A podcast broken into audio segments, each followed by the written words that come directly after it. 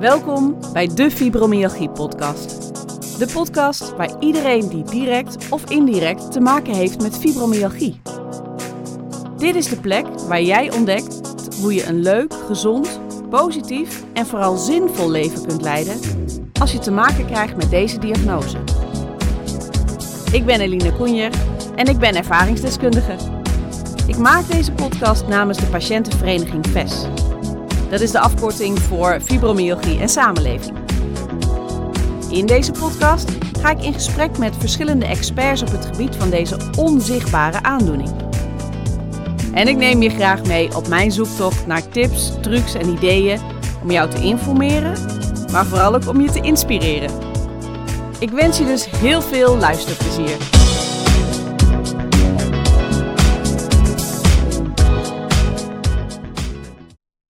Hoi en welkom bij een nieuwe aflevering. In deze aflevering hoor je het gesprek dat ik had met Karen van der Wal-Vollers in juni 2021. Karen schreef het zeer persoonlijke boek Grienen, Gruwen, Groeien en Glimlachen, waarin ze haar proces beschrijft van klachten, diagnose, zoektocht naar hulp en oplossingen naar uiteindelijk een leven waarin fibromyalgie een onderdeel is. Ze deelt heel veel waardevolle informatie over wat haar heeft geholpen en wat juist niet, en hoe ze gekomen is waar ze nu is. Hopelijk kan jij als luisteraar daar weer het een en ander uithalen voor jezelf. En je kunt kans maken op Karens boek. Hoe je meedenkt, hoor je aan het einde van deze podcast. Heel veel luisterplezier.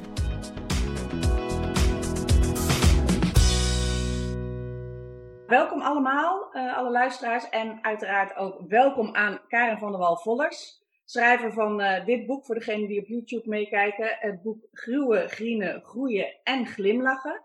Een fijne op oplossing, of opsomming. Um, nou, we gaan het zeker over dit boek hebben, maar ik zou uh, uh, Karen eerst willen vragen of ze zichzelf even wil introduceren, want ik denk dat ze dat zelf het beste kan. Dankjewel.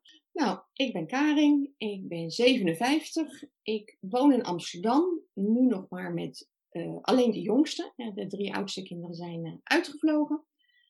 Ik ben projectmanager, dus ik ben interimmer, freelancer. En, en ik vind alles leuk. En ik denk dat dat ook wel ja, iemand die fibromyalgie heeft typeert. Ik heb heel veel interesses, ik doe heel veel. Ik hou van sporten, ik hou van allerlei dingen. Ik hou van lezen, ik hou van de natuur. Dus ik ben een bezige bij.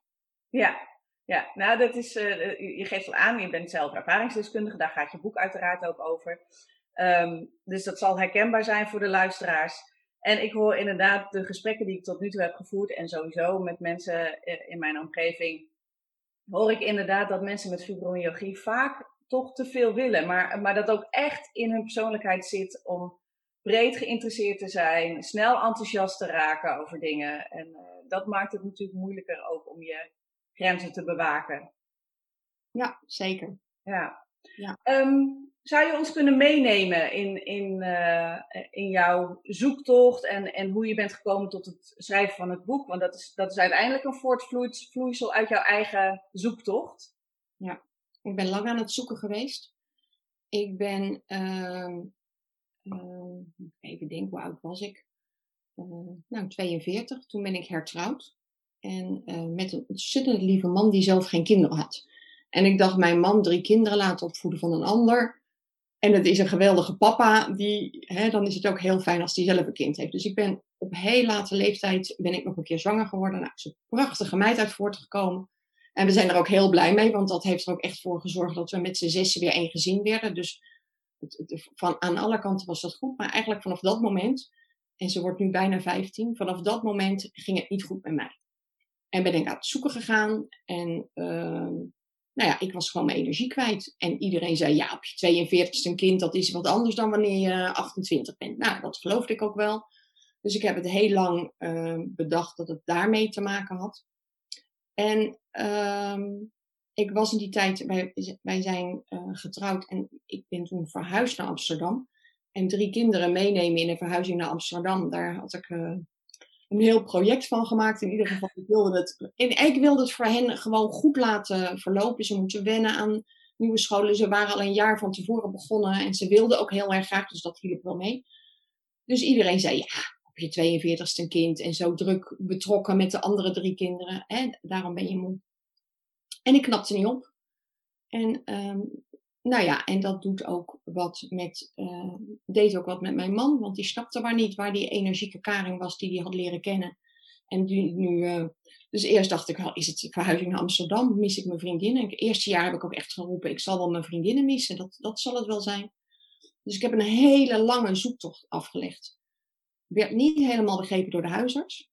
Uh, ik heb celiakie, dus ik heb een glutenallergie. Uh, dus ik ben ook nog naar een maag-lever-darmarts geweest, die, nou, nou ja, zeg maar een, een specialist van de oude stempel, heel arrogant. En hij wist alles beter dan dat ik over mijn eigen lichaam wist. Dus daar voelde ik me ook niet gehoord. Dus toen er op een gegeven moment uh, heb ik gewoon tegen de huisarts gezegd, en nu moet ik naar een internist. Ik moet iemand spreken. En ik kom in die, die, die kamer binnen en het was binnen, nou ja, drie minuten had ze de diagnose gesteld. En toen werd ik zo boos. Hm. Heb ik nou, nou ja, hoe lang zal het geweest zijn? Zeven jaar of zo. Hier heb ik nou zeven jaar een zoektocht voor gehad. Uh, vooral ook aan mezelf twijfelend natuurlijk. Van uh, iedereen zegt je bent gek. Je, je denkt het je in. En, uh, en, en nou ja, wat ik al zei, ik ben een bezige bij. Dus dan werd mij geadviseerd niks te doen. En dan zat ik thuis niks te doen. Ja, dan raakte ik gewoon helemaal depressief. Ja. Um, dus toen eenmaal die diagnose kwam, toen was ik eerst alleen maar boos. Mijn man was heel blij, want die had eindelijk bevestiging dat ik me niet aanstelde en dat er echt wat aan de hand was. Toen werd ik daar weer boos over, van heb je me nooit geloofd? Dus ik was vooral boos. En ik weet van mezelf, in zo'n situatie is het goed om te gaan schrijven. Dus toen ben ik gewoon een dagboekje gaan schrijven. En dat werd uiteindelijk zo leuk dat, dat ik er een boek van gemaakt heb. Ja. Dus dat was echt, uh, het van je afschrijven was de aanleiding voor het, voor het boek. Zonder, zat daar nog iets achter van, ik, ik wil dit, ik ben vast niet de enige, ik wil dit wereldkundig maken. Of uh, voor wie heb je het geschreven? Dat is leuk dat je het zegt. Het is begonnen met voor me af te schrijven. Maar ik ben ook trainer. Ja. En ik vind trainen geweldig. Nee, met vier kinderen het zien opgroeien van mensen, zien dat ze wat leren, vind ik fantastisch. Dus ik heb het, ben gestart. Het was gewoon in, in klad geschreven. Hè? Alles was. Uh, um, en op een gegeven moment kwam ik achter een aantal dingen waar ik echt naar. Want dan heb je de diagnose. En dan krijg, zegt de internist: Ja, nou heb je een diagnose, maar wat je moet doen, ik weet het niet. Nee. Dus dan begint er een enorme zoektocht. En toen ik ineens wat ideeën kreeg waar ik echt zelf lang over gezocht heb. Uh, want ik ben natuurlijk ook boeken gaan lezen, ik ben internet gaan afstruinen. Toen dacht ik, hier kan ik andere mensen mee helpen. En toen ben ik het zo gaan schrijven dat het voor een ander ook uh, leesbaar werd. Ja. ja. Ja, en dan is het dus uh, uh, eigenlijk voor je, voor je lotgenoten. Ja. op de achterflap staat inderdaad ook, maar ook voor iedereen die iemand in zijn omgeving heeft die, een, een, die te maken heeft met een chronische pijn of chronische vermoeidheid. Is het ook om, om um, jezelf en de lotgenoten een stem te geven, om, om het. Oh, wat mooi dat je dat te maken. Ik merkte er net ook toen ik het verhaal vertelde dat de eerste jaren dat mijn man mij niet begreep. Um, ik merk dat raakt me nog steeds. Dat ja. raakt me nog steeds. Gewoon, je, je voelt je zo ontzettend eenzaam. Dus ik heb het boek ook echt geschreven voor de, voor de omgeving. Um, uh, nou ja, en ook wel het lag ook aan mezelf, want ik bagatelliseerde altijd alles. Ik ja. bagatelliseerde gewoon altijd alles. Dus ja, als ik het zelf eigenlijk niet dacht van er is echt wat aan de hand, ja, hoe kan ik dan van mijn man verwachten dat hij denkt dat er echt wat aan de hand is? Dus dat was wel een van mijn eerste inzichten dat ik dacht, als ik mensen hiermee kan helpen, van neem jezelf serieus. Ik ben een vrouw en vrouwen nemen zichzelf vaak niet serieus, denken altijd dat ze bepaalde dingen niet kunnen en dan moet ik nagaan. Het is echt, ik, het, ik ga er weer van tranen. Het, het zeven jaar lang niet begrepen zijn, dat is echt, uh, nou ik kan het niet eens zeggen zonder een kraak in mijn stem. Dat is echt zo eenzaam. Ja. Toen dacht ik van, al kan ik alleen maar mensen helpen van je bent niet alleen en neem jezelf serieus. Ja, dat vond ik echt heel belangrijk dat dat uh, over zou komen. Ja. Ja, want die eenzaamheid zit natuurlijk niet alleen in niet begrepen worden, maar ook in je, tenminste dat is wat ik herken, in je, in je eigen uh, gevoel inderdaad om te erkennen dat er daadwerkelijk wat aan de hand is. Ja. Ja. Want vaak, uh, en dat las ik ook in je boek en uh, herken ik ook van, van mezelf, ben je eigenlijk al jarenlang over je grens gegaan. En er komt zo'n punt waarop, ja. waarop het niet meer gaat. En... Ja. En dat heeft me ook gebracht waar ik ben, hè? Ja. Ik ben heel jong, uh, moest ik gaan werken. Het was mijn moeder, die, die, die was ook oud. Ik had zelf altijd tegen, tegen mezelf beloofd, ik ga nooit oud kinderen krijgen, want ik vond het als kind vreselijk. Maar goed, het leven loopt zoals het loopt en in dit geval is het geweldig dat ze er is. In het boek is het trouwens een jongetje, omdat ze wilde absoluut niet bekend voorkomen. Dus ik heb, ik, ik heb de namen veranderd en ik heb wat ja. dingen veranderd. Maar het is een meisje. In het echt is het een meisje. Ja? Ja, echt heel erg leuk. Um, maar ik moest dus heel jong gaan werken. En ik heb in de avonduren mijn studie gedaan. Uh, en ik weet nog dat wij begonnen in een klas van 70 leerlingen. En ik was daar boos over. Ik had een boel collegegeld betaald. En ik dacht, we kunnen nauwelijks zitten. Of nauwelijks, we konden niet zitten. En toen zeiden ze, wacht maar, voordat het herfstvakantie is, uh, zijn er nog maar 20 over. En wij kunnen niet nu gewoon op 70 man inschalen, want er stoppen zoveel mensen. Nou, ik geloof dat we er maar 16 hadden met de herfstvakantie. Dus uh, wij gingen door. En uiteindelijk ben ik na vier jaar de enige die in de nominale tijd geslaagd is.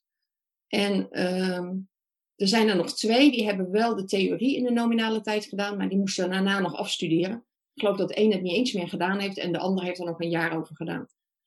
Dus weet je, ik heb ook die dof van die 70, was ik de enige die de eindstreep haalde in de tijd. En uh, ja, ik merk, ik ben helemaal, ik ben helemaal emotioneel uh, van, dat niet, van dat niet begrepen zijn. Ik merk echt, dat raakt me nog steeds. Maar ik heb het gehaald. Dus dat geeft wel aan die, um, dat, je, dat, je, dat je jezelf kan overschreeuwen. Dat je echt iets wil, dat je focust en dat je het dan ook gewoon gaat doen. Ja, dat doorzettingsvermogen. Ja, en dat heeft me dus gebracht waar ik nu ben. Mm -hmm. Dus ik ben er ook heel dankbaar voor. Het hoort bij mijn karakter, het hoort bij mij. En, uh, en fibromyalgie heb ik ook wat dat betreft omarmd als ja, iemand met een karakter zoals ik. Ja, daar hoort fibromyalgie bij. ik ben dat. Ik ben de. Ik heb het niet, ik ben het. Ja, het is onderdeel van jou. Ja. Geworden. Sorry, wat zei je? Dat, je ben, het is onderdeel van je geworden. Want, ja. ja want ja. Dat, is, dat beschrijft heel mooi je boek. En je begint met gruwen. Je, je, je wil je wil niet zo zijn, je wil je niet zo voelen, je wil van de pijn af, je wil van de vermoeidheid af, je wil weer terug naar de oude Karin. Ja. Uh, maar dat is niet. Ja, ik wil weer doen. Ja. Dat is het. Ik ben gewoon een doener in alles. Ik ben een doener en daar wilde ik heel graag naar terug. Ja. ja. En dat voelt natuurlijk, dat is. Uh, ja, dat voelt heel verdrietig op het moment dat dat, dat, dat, dat dus gaat botsen. Dat je denkt, ik, ik zeg dit ook echt vanuit mijn eigen ervaring. Van, maar ik wil zo graag, maar waarom lukt het dan niet? Want ik, je hele leven lang, alles waar je energie in stak, waar je, waar je voor ging, dat lukte over het algemeen ook. Daar ging je voor. En ineens lukt dat. Zo iemand was ik ook geworden, hè? Ik ja. ben die vrouw die je altijd om hulp kon vragen, want ik sta altijd klaar. Ja. En ik had ook de drie oudsten met heel veel energie. Ik was altijd met ze in de speeltuin. Ik, uh, uh, ik had een behoorlijke uh, baan, maar ik was bij alles. Ik ging met ze zwemmen, ik, ik, ik, ik was overal uh, bij. En dan krijg je op latere leeftijd nog een vierde. En dan had ik natuurlijk mazzel dat er drie ouderen waren die wel veel met haar deden. Maar ik deed niet meer zoveel met haar, dus ik voelde me ook schuldig. Die ja. drie anderen hebben me heel anders leren kennen dan zij. En, en zij heeft een geweld. Het is natuurlijk geweldig als je in een gezin met vijf mensen uh, geboren wordt, waar vijf paar oogjes in die wieg kijken en alle vijf helemaal idolaat van zo'n Dus zij heeft weer andere dingen gekregen, dus dat heb ik voor mezelf ook moeten loslaten, want ik ben niet de moeder voor haar die ik voor de andere drie was. Maar zij heeft drie grote, twee grote broers en een zus die helemaal gek op te zijn. Ja, dat heeft zij dan maar weer. Dus ik heb het gewoon voor mezelf moeten afpellen. Ik kan een aantal dingen niet en uh, ja, ik durf het bijna niet te zeggen, want het is helemaal uitgesleten, maar het is wat het is. En maak van wat je wel kan, ga daar weer iets goeds van maken. Nou ja, dat, uh, dat is gelukt.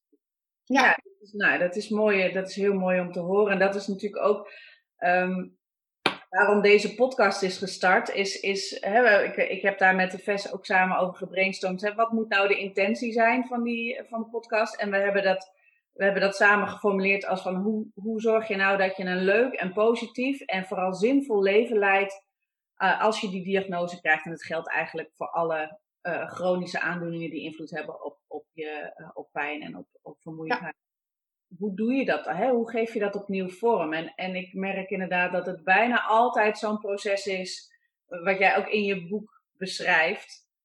Um, dus ook als je aan het begin van het proces zit of zelfs nog geen diagnose hebt, weet dat het een, dat het een proces is. Dat het niet, oké, je krijgt de diagnose, nou dan kun je dit en dit en dit doen en dan gaat het beter met je. Zo Nee. werkt het Nee.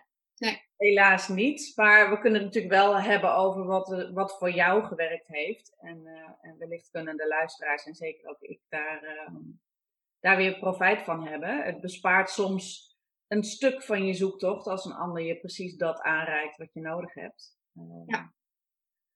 Kun je ons daarin meenemen? Ja, ik ben, uh, nou ja, ik ben een doener, uh, een harde werker. Dus ik was beroerd als ik was uh, in mijn bed gelijk aan het zoeken.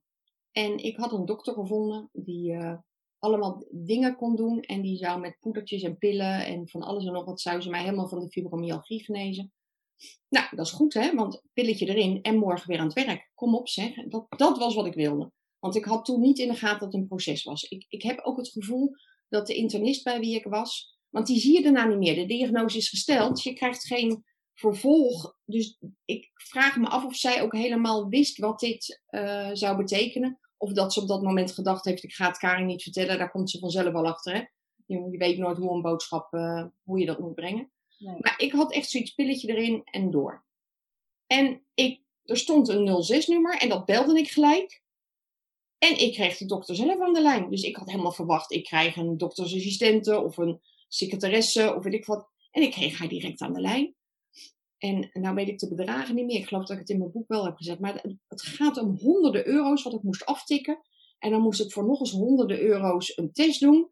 En dan kon ik weer voor nog eens honderden euro's een vervolgconsult doen. Nou, ik wilde er vanaf. En uh, ik, nou, dat was het geld waard. Als ik inderdaad voor een paar duizend euro er vanaf was. Nou, tik af en ga door. maar dan laat je het op je inwerken. Denk je, dit is raar. Een 06-nummer van een arts. En je krijgt op maandagochtend, ik geloof dat het maandagochtend was, ik krijg haar direct aan de lijn. Dat is raar, toch? Dat, of ze is bezig. Dat vond ik raar. Nou, en gelukkig had ik toen de tegenwoordigheid van geest om op internet te gaan zoeken. En toen kwam ik inderdaad achter dat het een charlatan was. En uh, ja, dat, toen ben ik nog wel verder gaan zoeken. Ik ben, wel, ik ben echt internet gaan afstruinen.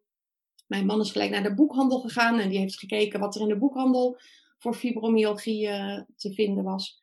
En ik ben er gewoon heel lang uh, later eigenlijk pas echt achter gekomen. Uh, ik moet iets doen met de manier waarop ik energie geef. Ik kan gewoon niet meer vol gas. En, en dat is iets wat je, nou ja, waar ik gewoon maanden voor nodig heb gehad om dat te begrijpen. Ja. Het moet gewoon, het moet echt anders. Net wat jij zei, je wil zo graag terug naar die oude Karin. En voordat ik dat begreep, en heel stiekem begrijp ik het soms nog steeds niet, nog steeds graag, maar dat, dat was bij mij denk ik het, het belangrijkste. Nou goed, dan ben ik niet meer de buurvrouw die altijd klaar staat. Of dan ben ik niet meer de vriendin die s'avonds om 11 uur nog in de auto stapt als jij het moeilijk hebt. En dat, dat een plekje geven. Ik denk dat dat echt. Uh... En, en uh, heb je dat dan ook aan je omgeving gecommuniceerd? Want ik kan me voorstellen dat, dat je omgeving ook denkt van... hé, hey, wat is hier gebeurd? Wat is er aan de hand? Waarom, waarom kan ik niet meer midden in de nacht bellen? Dat zal misschien niet dagelijks gebeuren, maar... Nou, ik heb het nooit zo gevraagd.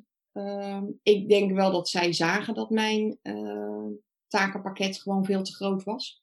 Dus dat zij eigenlijk niet zo heel verbaasd waren. Um, en misschien ook wel gerustgesteld van uh, ik deed altijd zoveel. En dat je dan toch denkt, ja, Karing doet veel, maar ik doe niet zoveel. En dan loopt Karing tegen de lamp en dat je denkt, oh ja, ik zit dus toch kennelijk op de goede weg dat ik ja. beter mijn energiehuishouding uh, op orde heb. Dus, ook, hè, dus ik, ik heb niet het gevoel dat ik nou mij moest verantwoorden tegenover nee. mijn omgeving. Die, die, ja, degene die mij kende wisten dat het een keer uh, op zou houden.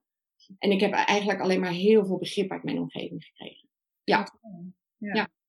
Er zijn wel dingen, ik weet nog dat een vriendin van mij 50 werd. En die ehm, had de- volgens mij op zondag. En die had dan op zaterdagavond het feest. En dan zou eh, om 12 uur zouden we met z'n allen het glas heffen. En ik ben om 11 uur weggegaan. Ja, en dat weet ik. Dat heb ik ook later nog tegen haar gezegd. Dat zat me dwars. En het was voor haar natuurlijk ook niet leuk. Nee. Dat, dat vond ik wel heel erg van. Ik kon niet meer. Ik was, ik was kapot. Ja. En, ehm, en mijn man die heeft toen op dat moment ook echt gezegd. Ja Karin, voor wie blijf je nou? En jij ligt morgen weer de hele dag eh, eh, in je bed eh, met pijn. En zegt, jij moet gewoon voor jezelf kiezen. Maar dat, waar, dat vond ik echt wel de hele moeilijke dingen. Ja. Had heel veel energie gestoken in het organiseren van het feest. En dan als vriendin ben je er om twaalf uur niet. Ja, dat vond ik heftig. Oh, suprem. Ja. Ja. En maar volgens mij is dat het enige waarvan ik echt denk, daar heb ik een vriendin laten zitten. Eh, terwijl ze er alle begrip voor had. Dus zo erg is het niet. Maar, en de rest is vanzelf gegaan, ja. Nee, het is vooral, het is vooral met mijn man geweest. Die, heeft, die, heeft, die is een vrouw getrouwd die eh, energie voor vijf had. En ehm, ja, voor hem is er, eh, voor hem is denk ik, want ook de kinderen, dat ging vanzelf. Die zagen ook dat ik moe was. Dus die vonden het eigenlijk wel fijn dat ik wat meer rust nam.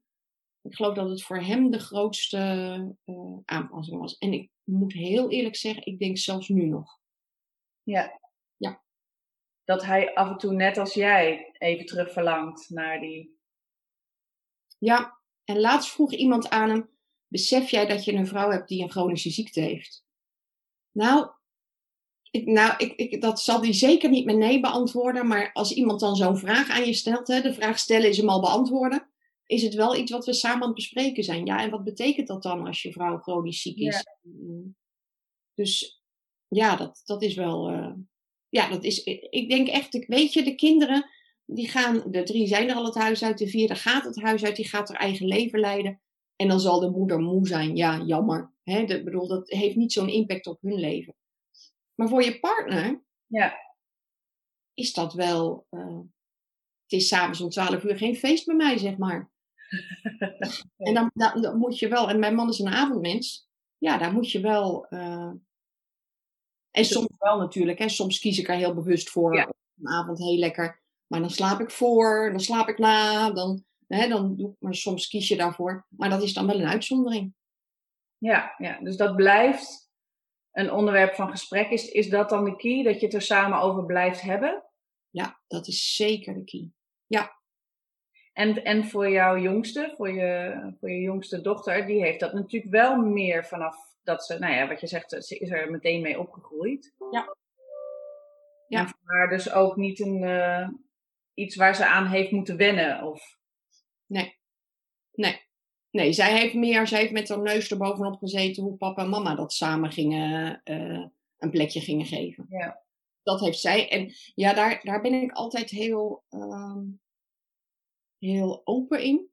Want ik vind het ook wel mooi van als je iets overkomt, dat de kinderen ook zien dat een relatie is niet alleen maar op die roze wolk en babytjes krijgen en, eh, en we zijn 60 jaar gelukkig, maar relaties werken.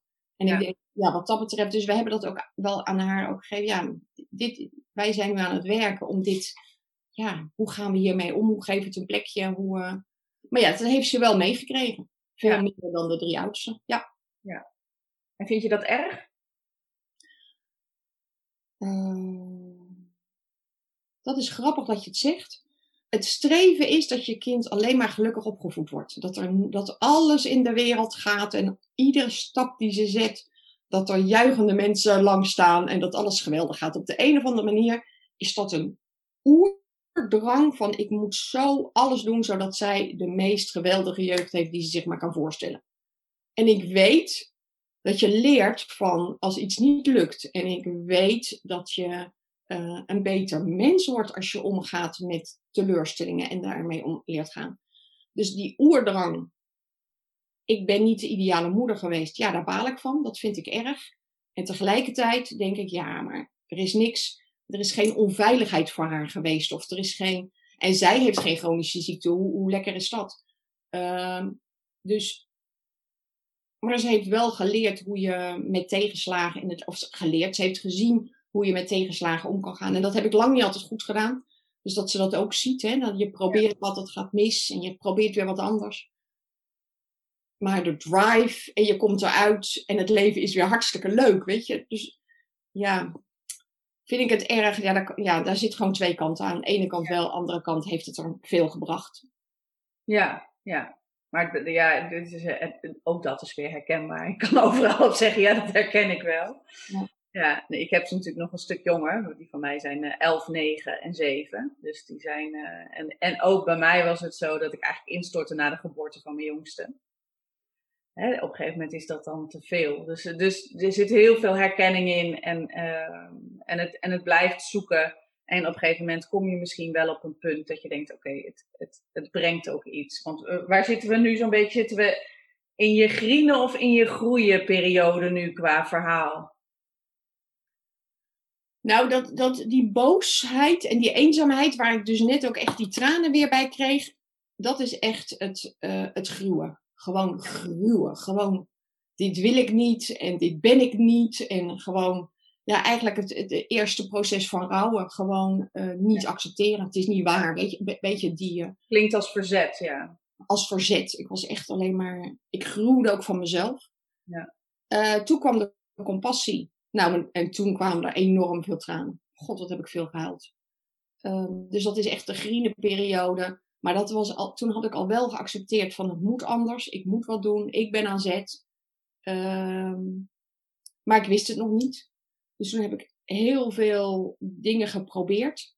Ehm, ik ben ook bij een. een, een nou, ik heb, ik, ik, heb allerlei dingen geprobeerd. Ik heb eigenlijk de, de belangrijkste heb ik in mijn boek gezet, uh, die me wat gegeven hebben. Maar dat was het nog niet. Uh, dus ik bleef nog een beetje grienen, want ik was wel met van alles bezig, maar ik kwam er nog niet goed uit, zeg maar. Uh, en pas in de groeifase, dat was pas op het moment, en, en dat roep ik nu als mensen vragen, wat heb je nou echt, wat is nou echt het verschil geweest dat je weer ging opkrabbelen? Dat was in de groeifase waar ik in aanraking kwam met Alexander techniek. Ja. En meneer Alexander is een, uh, is een zanger die, uh, uh, of, en, en acteur die op toneel stond. En daarachter kwam dat als hij lang op toneel stond, dat hij op bepaalde plekken pijn kreeg. Nou ja, mensen die acteurs in een omgeving hebben, die weten dat de fysiotherapeuten weten dat ook. Hè, van, de, dan bouwt er ergens spanning op. Ja. En hij zelf urenlang voor de spiegel gaan bekijken van wat doe ik nou als ik lang sta. En hij is helemaal gaan onderzoeken. En hij kwam er gewoon achter dat uh, je houding, als je, als je echt je, heel goed op je houding let, uh, kan je dus wel drie uur op een toneel staan zonder dat je ergens verkrampt of zonder dat het ergens pijn gaat doen. En toen heb ik hier in Amsterdam een Alexander uh, techniektherapeut gevonden. Ik heb opnieuw leren. Even, en, en zijn die landelijk te vinden? Ja, ja. En het grappige was dat er in Engeland zijn ze daar veel verder mee. Fibromyalgie en Alexander techniek. In Nederland was dat niet te vinden. Ik ben ook naar mijn therapeut gegaan met ik heb dit en we hebben later ook, uh, ik, ik, ik bedank hem ook in het boekje, want ik heb later ook het boekje gegeven van zet op je site dat het zo goed is voor fibromyalgie, want ik weet ja. zeker dat je het aantrekt. Um, ik heb opnieuw leren lopen, opnieuw leren fietsen, opnieuw leren zitten, opnieuw traplopen. God, wat was dat moeilijk om. Uh, en ik doe het echt niet altijd. Als ik een, een hele zware dag heb gehad, dan zak ik op de bank en dan ga ik bijna liggen op de bank. Nou, na 20 minuten kan ik niks meer. Nee. Ik vind dan zo dat ik het verdiend heb. Want ergens hier in die hersenpan zit, als je moe bent, mag je onderuit gezakt zitten. Ja. Dat op de een of andere manier, ja, een Pavlov-reactie, dat hoort bij elkaar. Nou, ik moet dat niet doen. Ik moet keurig rechtop zitten. Dan hou ik het de hele avond vol. Ook al ben ik moe, rechtop zitten en zorgen dat je uh, niet delen van je lichaam belast die je niet hoeft te belasten als je zit. En als je zo helemaal onderuit gaat zakken, dan belast je bijvoorbeeld je schouderbladen. Nou, om te zitten hoef je niet je schouderbladen te belasten. En hoe minder ik belast, hoe meer energie ik overhoud om andere dingen te doen. Dus ik denk dat dat wel echt voor mij heel belangrijk was. En ik ben er nu super trots op, want ik heb een boomlange man. Maar als wij samen naar theater gaan of we zitten samen in de bioscoop, dat is heel lang geleden, maar ik doe het al een paar jaar op deze manier. Uh, dan steek ik een kop boven hem uit. Hij zakt echt in zijn stoel weg. En ik zit daar en dan denk ik, oh, het lukt me om recht overeind te zitten. Dus dan, dat, daar ben ik wel heel blij mee. Ik kan me ook voorstellen dat dat, dat, dat bijna een psychologisch effect heeft. Van, tenminste, ook toen ik het las, denk ik, oh ja, met je, met je kruin naar de, hè, naar de lucht, naar de wolken. En dat je daar ook vierde van gaat staan. Dat je het gevoel hebt, ik mag er zijn. Ik, uh... is dat zo? Voelt dat voor jou ook zo? Dat is precies de spijker op zijn kop. En het meeste, dat is een hele slimme tip. Voor iedereen hoef je geen fibromyalgie te hebben. Maar als je loopt, je bekken een klein beetje naar voren kantelen. Ik word, daar, ik word ook acuut vrolijk als ik dat doe. Dat, dat heeft gelijk een beetje. Ja, ze, vroeger zeiden ze tietjes vooruit, zeg maar, tegen een meisje. Maar dat, dat heeft gelijk een uitstraling waarin je uh, de wereld beter aan kan. Je maakt je ruimte groter. Ik denk dat dat het is. Ja, dus zowel extern als intern heb ik het gevoel. Als je dat doet, dan krijg je ook intern meer lucht, meer ruimte. Meer... Klinkt misschien een beetje uh, beeldend, of, uh, hè, maar het, het, is ook wel weer grappig dat ik ben actrice. Oh, wat leuk! En ook.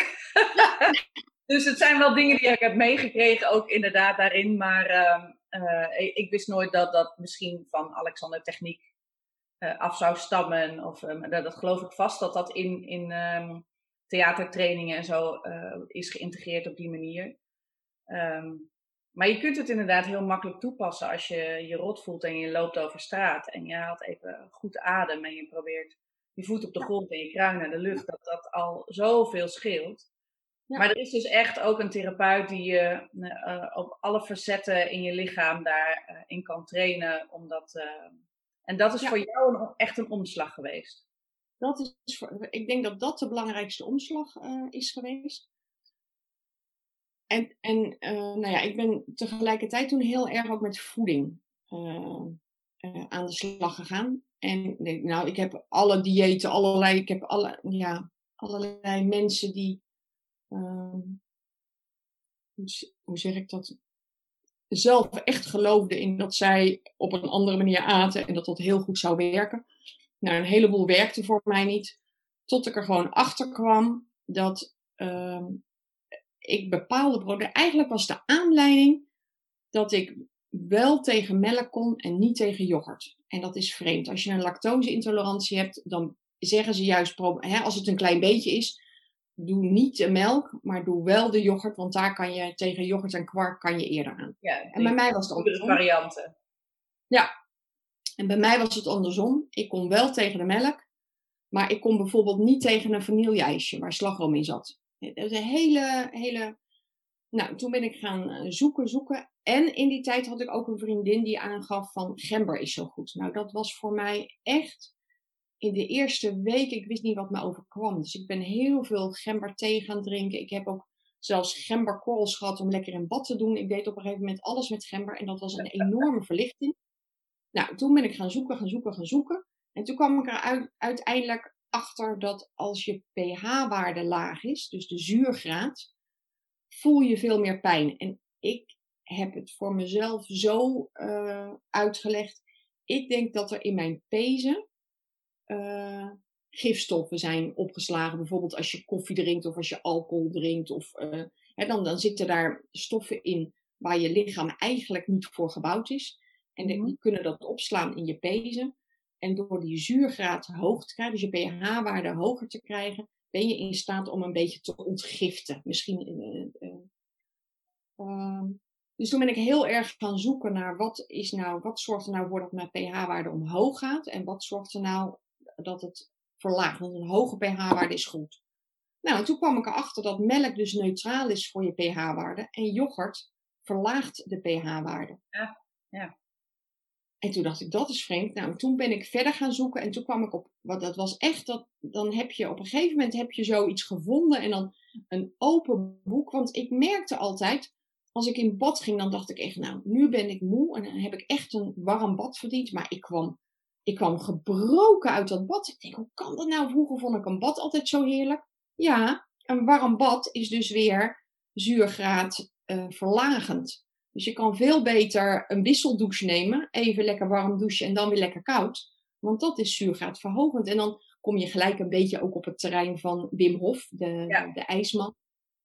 Uh, dus toen ben ik vooral, eh, toen ben ik zuurstofgevende uh, planten in huis, varens en zo in de huiskamer gaan zetten. Want als je in een zuurstofrijke omgeving, is dat weer heel goed voor je pH-waarde. Dus er zijn een heleboel dingen die daaraan, uh, ja, en dan is alcohol. En ik was erg gek op een wijntje, is dan gewoon bijvoorbeeld heel slecht. Nou, dat merk ik echt. Mijn alcoholconsumptie is echt enorm afgenomen. Uh, en daar heb je ook hele leuke oplossingen voor. Wat dat betreft leven we in een heerlijke tijd. En noem eens één, want er zijn, uh, ik, ik denk dat dit ook herkenbaar is, dat alcohol meteen een groot effect heeft. Uh, nou, gin tonic, gin zonder alcohol. En ik, ik heb het nu zo, nou ja, ik heb grote uh, kinderen, dat ik, ik, ik zet gewoon twee exact dezelfde cocktails neer en zeg ik, proef jij maar welke de alcohol hebt, die mag jij hebben. En ze proeven het niet. Ja, je merkt het achteraf dat je van de ja. ene dronken van de ander wel. Maar op het moment dat ze drinken, proeven ze niet het verschil. Ik denk deze, of hè? Ja. Uh, en dat zullen vast fijnproevers zijn die wel het verschil proeven. Ja, ik wil ja. echt dat dat er absoluut niet is. Maar zij kunnen, als ze niet hun best doen, niet traceren waar zit nou de gin met alcohol en waar de gin zonder alcohol. Dus sinds ik dat weet, drink ik nooit meer gin met alcohol. Wat nee. een onzin als ik het nodig heb. En ik heb er daarna wel last van.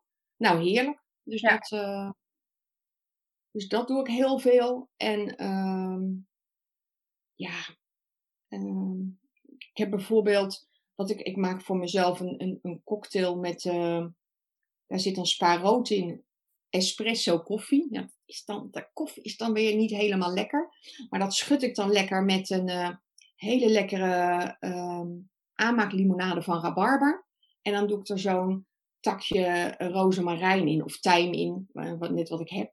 Nou, dan heb ik echt de meest geweldige cocktail. En ja, de rest zit dan aan het bier en de wijn. En ik zit ja. ook te genieten. Ja, maar het leuk Het is de link, tenminste, dat, ja, een, een, wijntje drinken, de gezelligheid, de ontspanning. En ja, dat, dat is denk ik nog veel belangrijker dan daadwerkelijk die, dat effect van die alcohol. Zeker als die op een gegeven moment gewoon negatief wordt. Dan, dan, ja. uh, kan, je erop, dan kan je er ook niet meer echt van genieten. Of tenminste, dan is de, nee. de min groter dan de plus. Dus ja. mooi hoe je oplossing hebt gevonden om toch dat genietgevoel te hebben en mee te kunnen doen met de rest zonder dat je de nadelige gevolgen achteraf hebt. En dat, dat is de crux, denk ik, hè, om daar steeds naar te zoeken. Ja, ja. Dat, je, dat je, wat kan ik wel? In plaats van denken, wat kan ik niet? Wat is er wel? En um, ja, en dat, wat, ja, uh, want ik drink echt nog wel een rood wijntje hoor. Uh, die drink ik echt nog wel eens, maar dan drinken we zo'n absurd, absurd dure wijn. dus dat, dat kan maar één glas per maand, want anders kunnen we het niet betalen. Zo'n geweldige wijn nu, terwijl ik normaal vond dat doodzonde als je ja, een paar flessen wijn per week opentrekt. Ja, als je het wegsloppert, ja. dan uh, ja. En nu, nu is dat ene glas wijn wat ik drink. Nou, ik, ik ik denk dat ik een gemiddelde kom van één glas rode wijn per maand. Ik denk dat dat ongeveer nu mijn consumptie is. Ja. Maar dat is dan wel een heel lekker glaasje. En dan kan ik dan al, oh, over drie dagen, dan mag ik hem weer. Nou, ik heb nog nooit zo van wijn genoten als dat ik nu doe. Dus nee, daar komt ook echt weer wat voor in de plaats. Maar je moet even de cirkel doorbreken. Dat is dat het. Mooi. Wat, wat een mooi voorbeeld, ja. ja. Dus voor jou heeft uh, uh, die Alexander therapie heel erg geholpen. En het verhogen van je pH-waarde. Daarmee bezig zijn in voeding en omgeving. En, uh, dus dat ja. is iets waar je je in verdiept hebt en wat voor jou werkt. Ja. Dat zal voor iedereen zijn, maar het is, wel een, het is wel een verbinding die ik vaker heb gehoord, inderdaad. En als laatste, maar dat scheelt. Ja, ik denk dat ik een typische fibromyalgie-patiënt ben. Maar uh, wat voor mij echt echt ook geholpen heeft, dat is echt de, de, de derde, uh, is uh, meer zen worden. Dus ik ben wat gaan mediteren. Ik ben, en mediteren, dat klinkt heel zweverig, maar gewoon in een stoel zitten en tien minuten alleen maar op je ademhaling concentreren. Verder niks, hè? Ik, want ik, ik, ik zal echt niet, uh, ik ben daar geen kenner in. Maar gewoon even de dag beginnen met tijd voor jezelf. Ehm, en dat helpt mij ook, want ik ben wel een piekeraar. Ehm, nou, eigenlijk, dat ben ik eigenlijk de laatste zeven jaar niet meer. Ik was een piekeraar, zo moet ik het zeggen. Ehm, en als je in je bed ligt te piekeren, ja, dan gaat die rust die je zo hard nodig hebt, die gaat er niet komen. Nee. dat dat zen-moment in, inbouwen. Uh, ik heb ook een, een, een ben vijf dagen door een woestijn wezen wandelen. Nou, dat hoeft echt niet. Ik, ik wil echt niet dat mensen hele extreme dingen gaan doen. Maar ik had het nodig om te ervaren dat ik echt die rust uh, in moest bouwen. En, uh, en dat is iets dat heb ik er echt aan overgehouden. Uh, iedere dag even, al is het maar tien minuten, maar even aan niks denken, op mijn ademhaling concentreren. En het mooie is dat je dan automatisch, dan voel je waar je op dat moment een blokkade hebt. Waar je op dat moment zeg maar een pijntje hebt. Want ik heb mezelf zo goed geleerd, als je pijn hebt, niet zeuren, doorgaan. Dat ik voel niet dat eigenlijk ik een teennagel heb die ingroeit. Terwijl als ik aan het mediteren ben en dan concentreer ik me op mijn ademhaling. En dan ineens dan klopt er wat aan mijn teen. En dan denk ik, oh, nou moet ik even dat nageltje wegknippen. Niks aan de hand. Maar ik had het gewoon niet geregistreerd als ik bezig ben. Dus dan denken we, oh, mijn lijf heeft al lang aangegeven, Karin, er is iets aan de hand, je moet actie ondernemen. Waarom lukt het me nou nog niet in het dagelijkse leven om dat dan ook te voelen? Ja. Dus ja, ik heb dan heel veel aan dat even meditatief momentje. Goed te voelen, zit ik nog lekker in mijn vel. En vooral het piekeren. Even uit. Weg. Ja. Ja. Ja, en ook daarin, maar ik, ik hoor eigenlijk ook in ieder verhaal dat iets van persoonlijke ontwikkeling, naar je lijf luisteren, um, ja, jezelf leren kennen en accepteren en er mogen zijn, dat dat allemaal wel onderdelen zijn die ertoe bijdragen dat je het allemaal beter kan handelen. Eigenlijk word je dus gewoon een mooier mens als je dit proces ingaat. ja, echt waar. Ja, ik, ja, ja. Ik, Persoonlijk ik heb ik wel veel geleerd van dat traject ook. En, uh, ja. Ja? Leuk. Ja, en waar, en waar merk jij dat aan dan? Nou ja, ook bij mij gaat het met ups en downs, maar ik herken heel veel in jouw verhaal van dat, dat door uh, racen en doen en actie ondernemen. En daar werd ik ook om gewaardeerd hoor. Van, oh, je krijgt dat zoveel voor elkaar en je hebt zoveel enthousiasme en zoveel creativiteit. Ja, super. Heel herkenbaar. Uh, maar ik denk dat ik wel echt vergat te luisteren. Uh, met name naar mezelf, maar ook wel naar anderen. Dat ik wel echt. Ik weet niet of ik zeg maar een aantal jaren terug dit soort gesprekken had kunnen voeren. Ik ben altijd wel geïnteresseerd geweest in anderen, maar er zat ook altijd wel weer die gejaagdheid in mijn hoofd. Van ja, maar ik moet straks nog dit en straks nog dat en hoe, hoe laat is het? En dus er is echt wel meer, meer rust en aandacht gekomen. En ik denk dat dat, uh, dat, dat heel waardevol is. Ja, en ik kom ook nog steeds momenten tegen dat ik denk, ja jongens, ik weet het niet meer hoor. Um, ik vind het nou echt even helemaal niet meer leuk. En, het een, ja, en wat ik wel in het traject ook heb geleerd, is om dat er dan even te laten zijn. Om daar dan maar even, om dat dan maar even te voelen. Dat het even echt, echt niet meer leuk is. En uh, door dat niet weg te drukken en, het er even, uh, en er even helemaal in te zijn, kun je er uiteindelijk, dat klinkt misschien tegenstrijdig, maar dan, dan kun je er ook weer uit. Op het moment dat je het, dat je het wegdrukt, blijft het zitten en wordt het alleen maar groter. Dus soms moet je er even aan toegeven, zonder dat je er helemaal in wegkwijnt, want dat, dat helpt ook niet. Ik vind iedere keer wel weer een manier om er weer, weer uit te, te kunnen, maar soms heb je het even nodig om daar om daarin te zijn. Um, dus ja, ik heb wel heel veel geleerd over, en, en vooral ook over um, wat ik wel en niet wil. Ik, ik ben ook wel, uh, nou zeker zeg maar tot, mijn, uh, tot begin dertig. Ja, maar dit is gewoon wat er van me verwacht wordt, dus ik doe dit gewoon. En ik ben er goed in. Dus nou ja, uh, what's the problem? Maar eigenlijk stond ik ook nooit stil bij, maar wat wil ik nou echt? Vind ik dit echt nog leuk? Ik geef mij dit nog energie? Of kost het me vooral energie? Dus daardoor ben ik wel op het pad terechtgekomen. Uiteindelijk kon ik ook mijn functie, ik, ik was hoofdmarketing van een theater, kon ik gewoon niet meer uitvoeren. Ik merkte dat dat mentaal niet meer trok, ik had het overzicht niet meer. Uh, ik was daar gewoon ook niet meer betrouwbaar in. Dus dan ga je zoeken naar, oké, wat wel dan? En theater heeft altijd wel mijn, mijn liefde gehad. Maar fulltime theatermaker worden op je uh, hè, halverwege de dertig is ook niet echt een, een handige optie. En fysiek ook veel te zwaar. Dus zodoende ben ik eigenlijk op stemacteren en op trainingsacteren uitgekomen, op trainen. Uh, nou ja, en ook meer zelfstandig ondernemen. Wat ik heel lastig vind. Maar aan de andere kant, ja, je kunt je eigen tijd indelen en je kunt je eigen plan trekken. En uh, ook dat gaat weer met ups en downs. Het zal eens, ik ben ook zo gewend dat als ik me ergens toe zet, een opleiding of, eh, of een baan of zo, en dan lukt het. Ja, en dat is, dat is wat ik bij jou ook herken. Van, en, en ineens lukt dat niet meer. En kun je daar niet meer op vertrouwen. En dat, dat is. Uh, en dan moet je dan een nieuwe, nieuwe weg in vinden. En iedere keer trap ik wel weer in die valkuil dat ik denk, oh, maar dat lukt me wel. En dan moet ik toch weer even op de rem trappen. Uh, ja, het is iedere keer weer bijstellen en, uh, en zoeken naar wat wel en wat niet kan.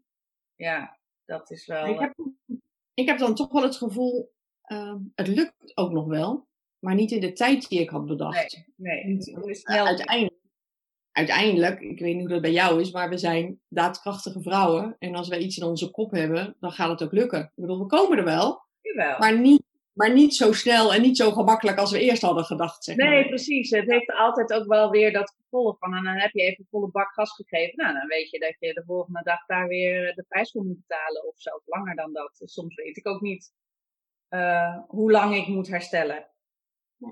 Nee, dus dat, is, dat vind ik nog steeds het lastigste om mee om te gaan. Maar ja, ik weet inmiddels ook dat het zo kan gaan. En, uh, wat je zegt voor je omgeving en, en zeker de directe omgeving, je partner, is dat soms lastig. Van, maar wat heb je gedaan dan? Zegt men, uh, men wat heb je dan allemaal gedaan? Ja, uh, soms, soms is het ook een optelsom van een hele maand of zo. Van, of, of ja, ik kan het niet altijd herleiden. En daar ben ik in het begin ook heel erg mee bezig geweest van, ja, maar, maar hoe komt het dan? Ja, die vraag stel ik me steeds minder. Ik denk, ja, dit is dus kennelijk het gevolg. Nou ja, van waarvan weet ik dan niet zo goed, maar ik moet even bij denken. Ja. ja. ja. die berusting, dat is volgens mij gewoon, dat is echt het accepteren van jezelf. Ja. Uh, hier heb ik last van en uh, ik ga wel weer zien wanneer, uh, wanneer ik me fit genoeg voel om de volgende taak op te pakken. Ja. ja.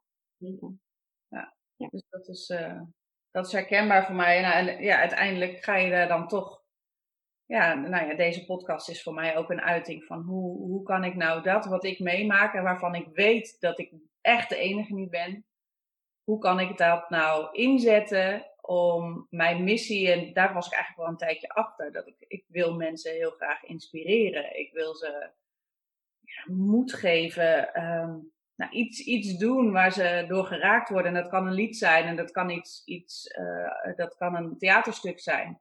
Maar in dit geval kan ik heel, eigenlijk heel goed mijn eigen leven en alle hobbels die daarbij horen uh, gebruiken om, uh, om een ander hopelijk te inspireren. En al is het er maar één. En dat was voor mij de reden om deze podcast te starten. Dus, oh, oh ja. bijzonder om te horen. Leuk. Ja.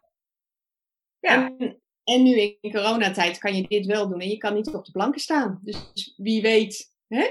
Nee, ja, er zit nu wel weer wat aan te komen, gelukkig. En, en zingen ben ik blijven doen, want ik geloof ook zeker um, dat, dat uh, uh, zingen of, of op een of andere manier creatief bezig zijn, ook al voel je niet jezelf geen creatief mens, maar uh, ik denk dat dat zeker ook bijdraagt. Dat je iets zoekt wat voor jou ontspanning geeft en dat je dat zonder enige um, je wil je nog, tenminste, ik heb nog wel eens de neiging om me daar dan schuldig over te voelen. Ja, maar dit dient nergens toe. Weet je wel? Ik heb het nergens. Ik, het is niet voor iemand. Het, is niet, uh, het, het, dient geen doel. Jawel, het dient het doel dat jij even ontspant. En dat je er plezier in hebt. Dat is dan het doel. En uh, ik denk dat dat ook een hele belangrijke is om, uh, om in je leven in te passen en jezelf dat toe te staan. Ja, ja nee, dat is leuk dat je dat. Kan je daarin vinden? Ja. Ik ben ook in die tijd gaan zingen, inderdaad. Ja, ja, ik, ik, ook, al, ook al heb je, ben je misschien niet gezegend met een bijzonder mooie stem, dan nog steeds is zingen gewoon heel goed voor je, voor je lijf en je geest. Ja. ja. En ik heb een zangjuf die beweert dat iedereen kan zingen. Dat er echt maar echt een enkeling is.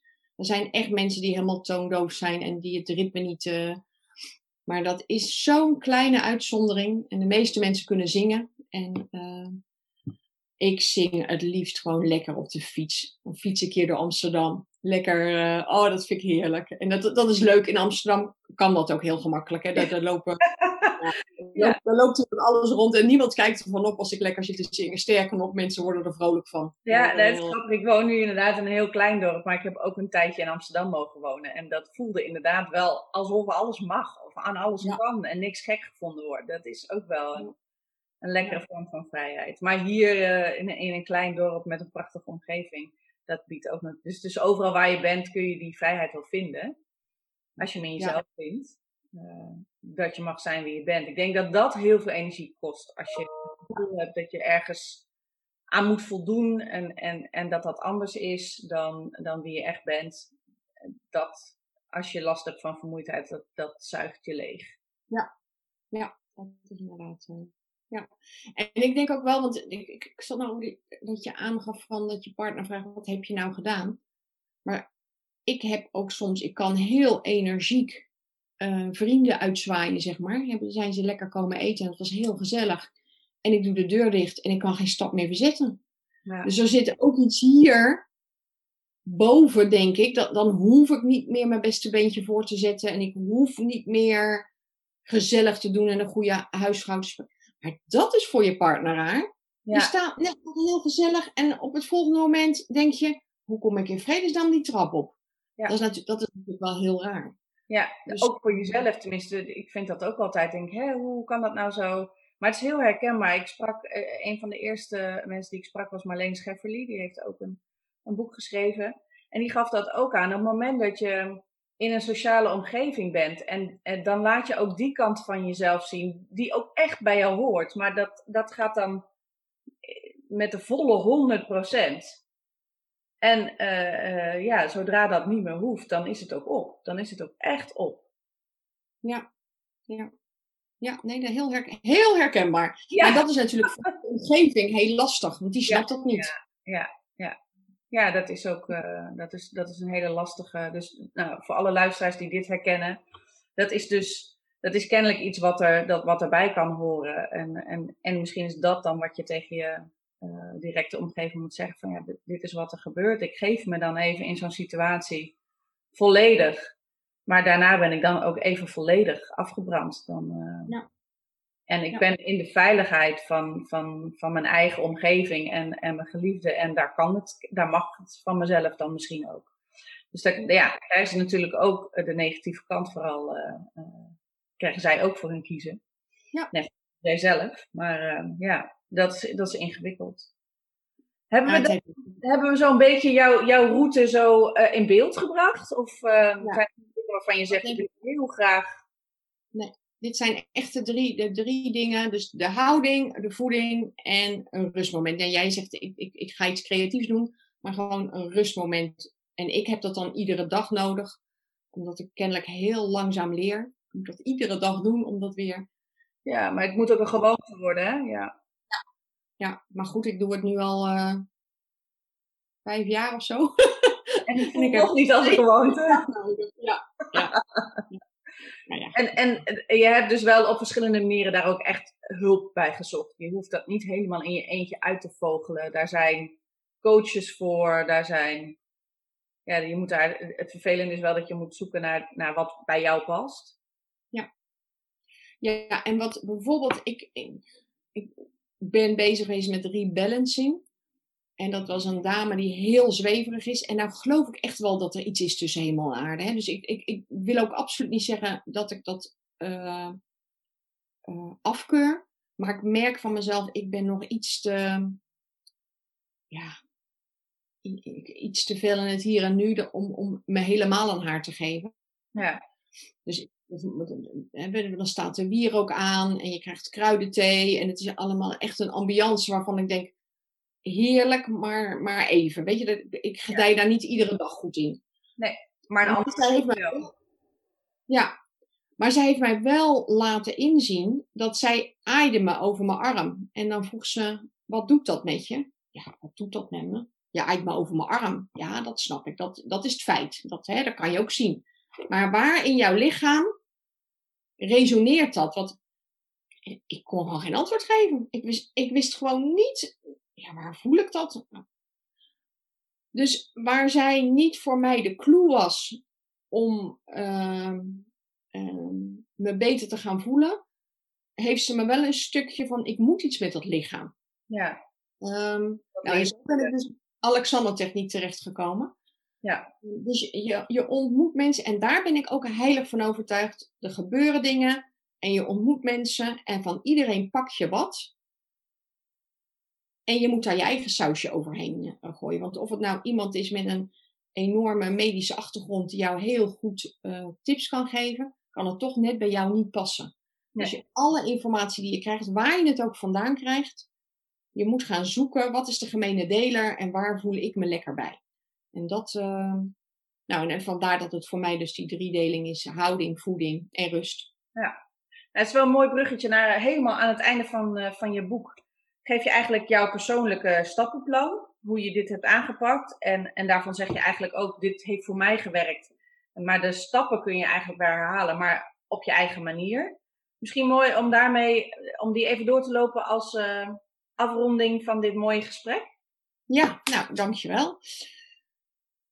Um, stap 1, ja, het is zo geweldig dat nu weer, dat het mij zo raakte toen, je er, uh, toen we erover spraken. Maar stap 1 is, neem jezelf serieus. Want ik heb zo gebotst met mijn man dat hij mij niet serieus nam. Maar ik nam mezelf niet serieus. Dus hoe kan je van je omgeving verwachten dat zij dat wel doen? Dus uh, dat was voor mij echt een enorm. Ik denk dat dat het moment van gruwen naar grienen was. Neem jezelf serieus.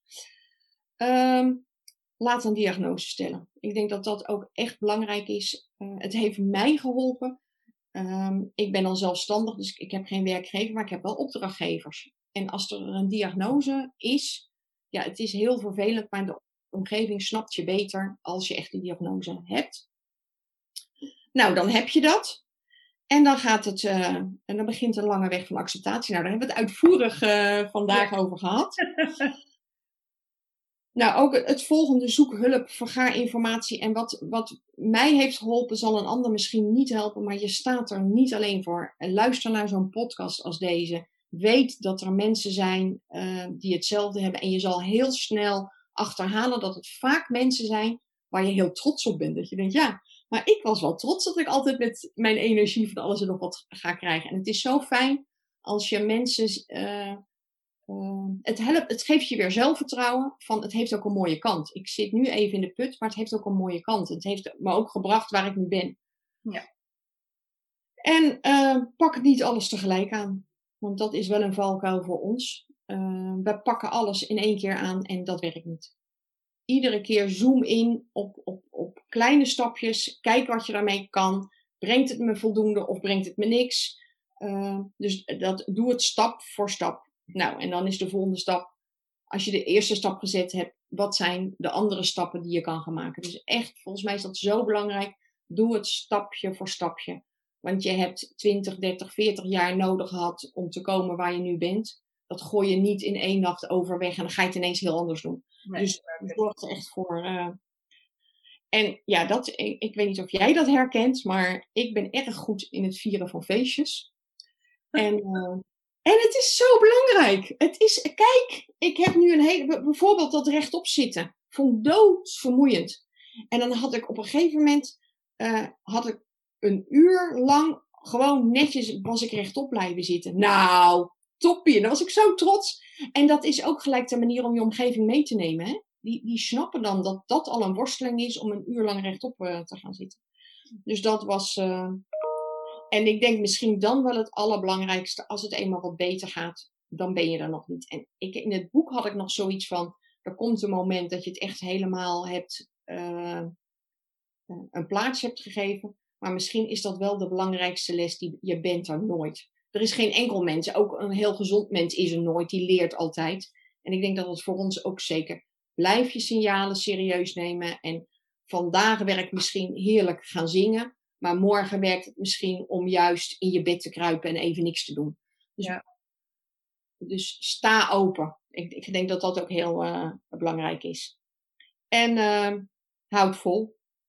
Houd vol, ja. en dat hebben eh, fibromyalgie-patiënten, hè? Die, het zijn doorzetters. Over dus het algemeen is dat wat ik, wat ik terughoor, ja. Ook al worden ze vaak neergezet als, en dat las ik ook in je boek in eerste instantie, van ah, stel je niet zo aan, niet zeurig. Terwijl dat is waarschijnlijk een van de redenen waarom we dit ontwikkelen. Omdat we altijd maar doordouwen en altijd maar denken, ja. voel geen pijn, ik ga gewoon door. Of het is er wel, maar ik ga toch door. ja. ja. En uh, op een gegeven moment loop je dan tegen de lamp. Dus ja, ik denk dat volhouden, maar ja, je komt op een punt dat je. We komen allemaal wel eens op een punt dat je denkt, ja, het is wel heel lastig om vol te houden. Ik vind het wel. Uh, en dat is het ook. En ik denk dat dat. Um, op dat moment dan even accepteren. Ja, het is ook moeilijk om vol te houden, maar ik ga wel blijven volhouden. ja. ja, en wat, bij mij dus hield, dat was de laatste stap. Um, stel een levensplan op. Dus bijvoorbeeld, ik heb dus echt over alcohol. Ik wil gewoon niet meer zoveel alcohol drinken. En dan moet je dat ook echt voor jezelf. En ik heb het ook op de muur. Dus ik, iedere week mag ik iets leuks doen. Of ik ga naar de kapper, of ik ga iets. Nou ja, maar iedere week moet ik iets doen wat niet met de rest van het gezin is, maar wat helemaal voor mijzelf is. Nou, dat vergeet ik zo hoor. Dus ik heb het ook echt op de muur hangen. Uh, nou ja, in het begin was het heel belangrijk voor dat mediteren. Doe dat iedere dag. En, en stel, stel gewoon een lijstje op wat voor jou belangrijk is. En dat heb ik gepikt van Remco Klaassen. Die heeft een boek geschreven, Ecologie. En daar had hij een levens, uh, plan. En dat was heel leuk, want ik, weet het niet helemaal, maar volgens mij had hij zoiets. Ik wil voor mijn dertigste in een Volvo kunnen rijden. Ik wil niet meer dan 75 kilo wegen. Dus hij had materiële, maar ook lijfelijke afspraken met zichzelf gemaakt. En dat moet je ook weer aanpassen. Want als je dan 30 bent en je hebt wel of niet die Volvo, heb je natuurlijk toch weer je volgende. Maar maak een levensplan. En hang dat op. Maak het zichtbaar. Je omgeving weet dat. En dit is wat voor mij heel belangrijk is. En dat heeft mij enorm geholpen om op mijn pad te blijven. Ja, nou, wat een, wat een mooie afsluiting, Karen. Mooie afsluiting van een, van een prachtig, mooi, open, eerlijk gesprek. Heel mooi dat je, zo, uh, nou, dat je jezelf zo openstelt. Uh, vond ik in ieder geval heel mooi en heel inspirerend. Dus uh, dank je wel daarvoor. En alle luisteraars ook uiteraard bedankt voor het luisteren. Ik hoop dat jullie het ook allemaal heel inspirerend vonden.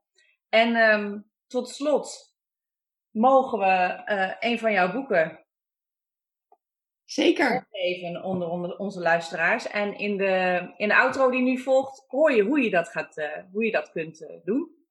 Dus bedankt allemaal nog een keer voor het luisteren en heel graag tot de volgende keer. En jij heel hartelijk bedankt, Eline. Dankjewel. Graag gedaan. Zo wat een mooi, open en eerlijk verhaal was dat. Het heeft mij ook echt geraakt en zeker ook geïnspireerd. Ik hoop jou ook. We horen natuurlijk graag wat je ervan vindt en of je nog vragen hebt die we zouden kunnen behandelen in de podcast. En ik had beloofd om je te vertellen hoe je nou kans maakt op Karins boek. Nou, stuur een mailtje met als onderwerp boek Karin en je contactgegevens naar podcastapenstaartje vesinfo.nl. Dan doe je automatisch mee met de loting. Heel graag tot de volgende keer.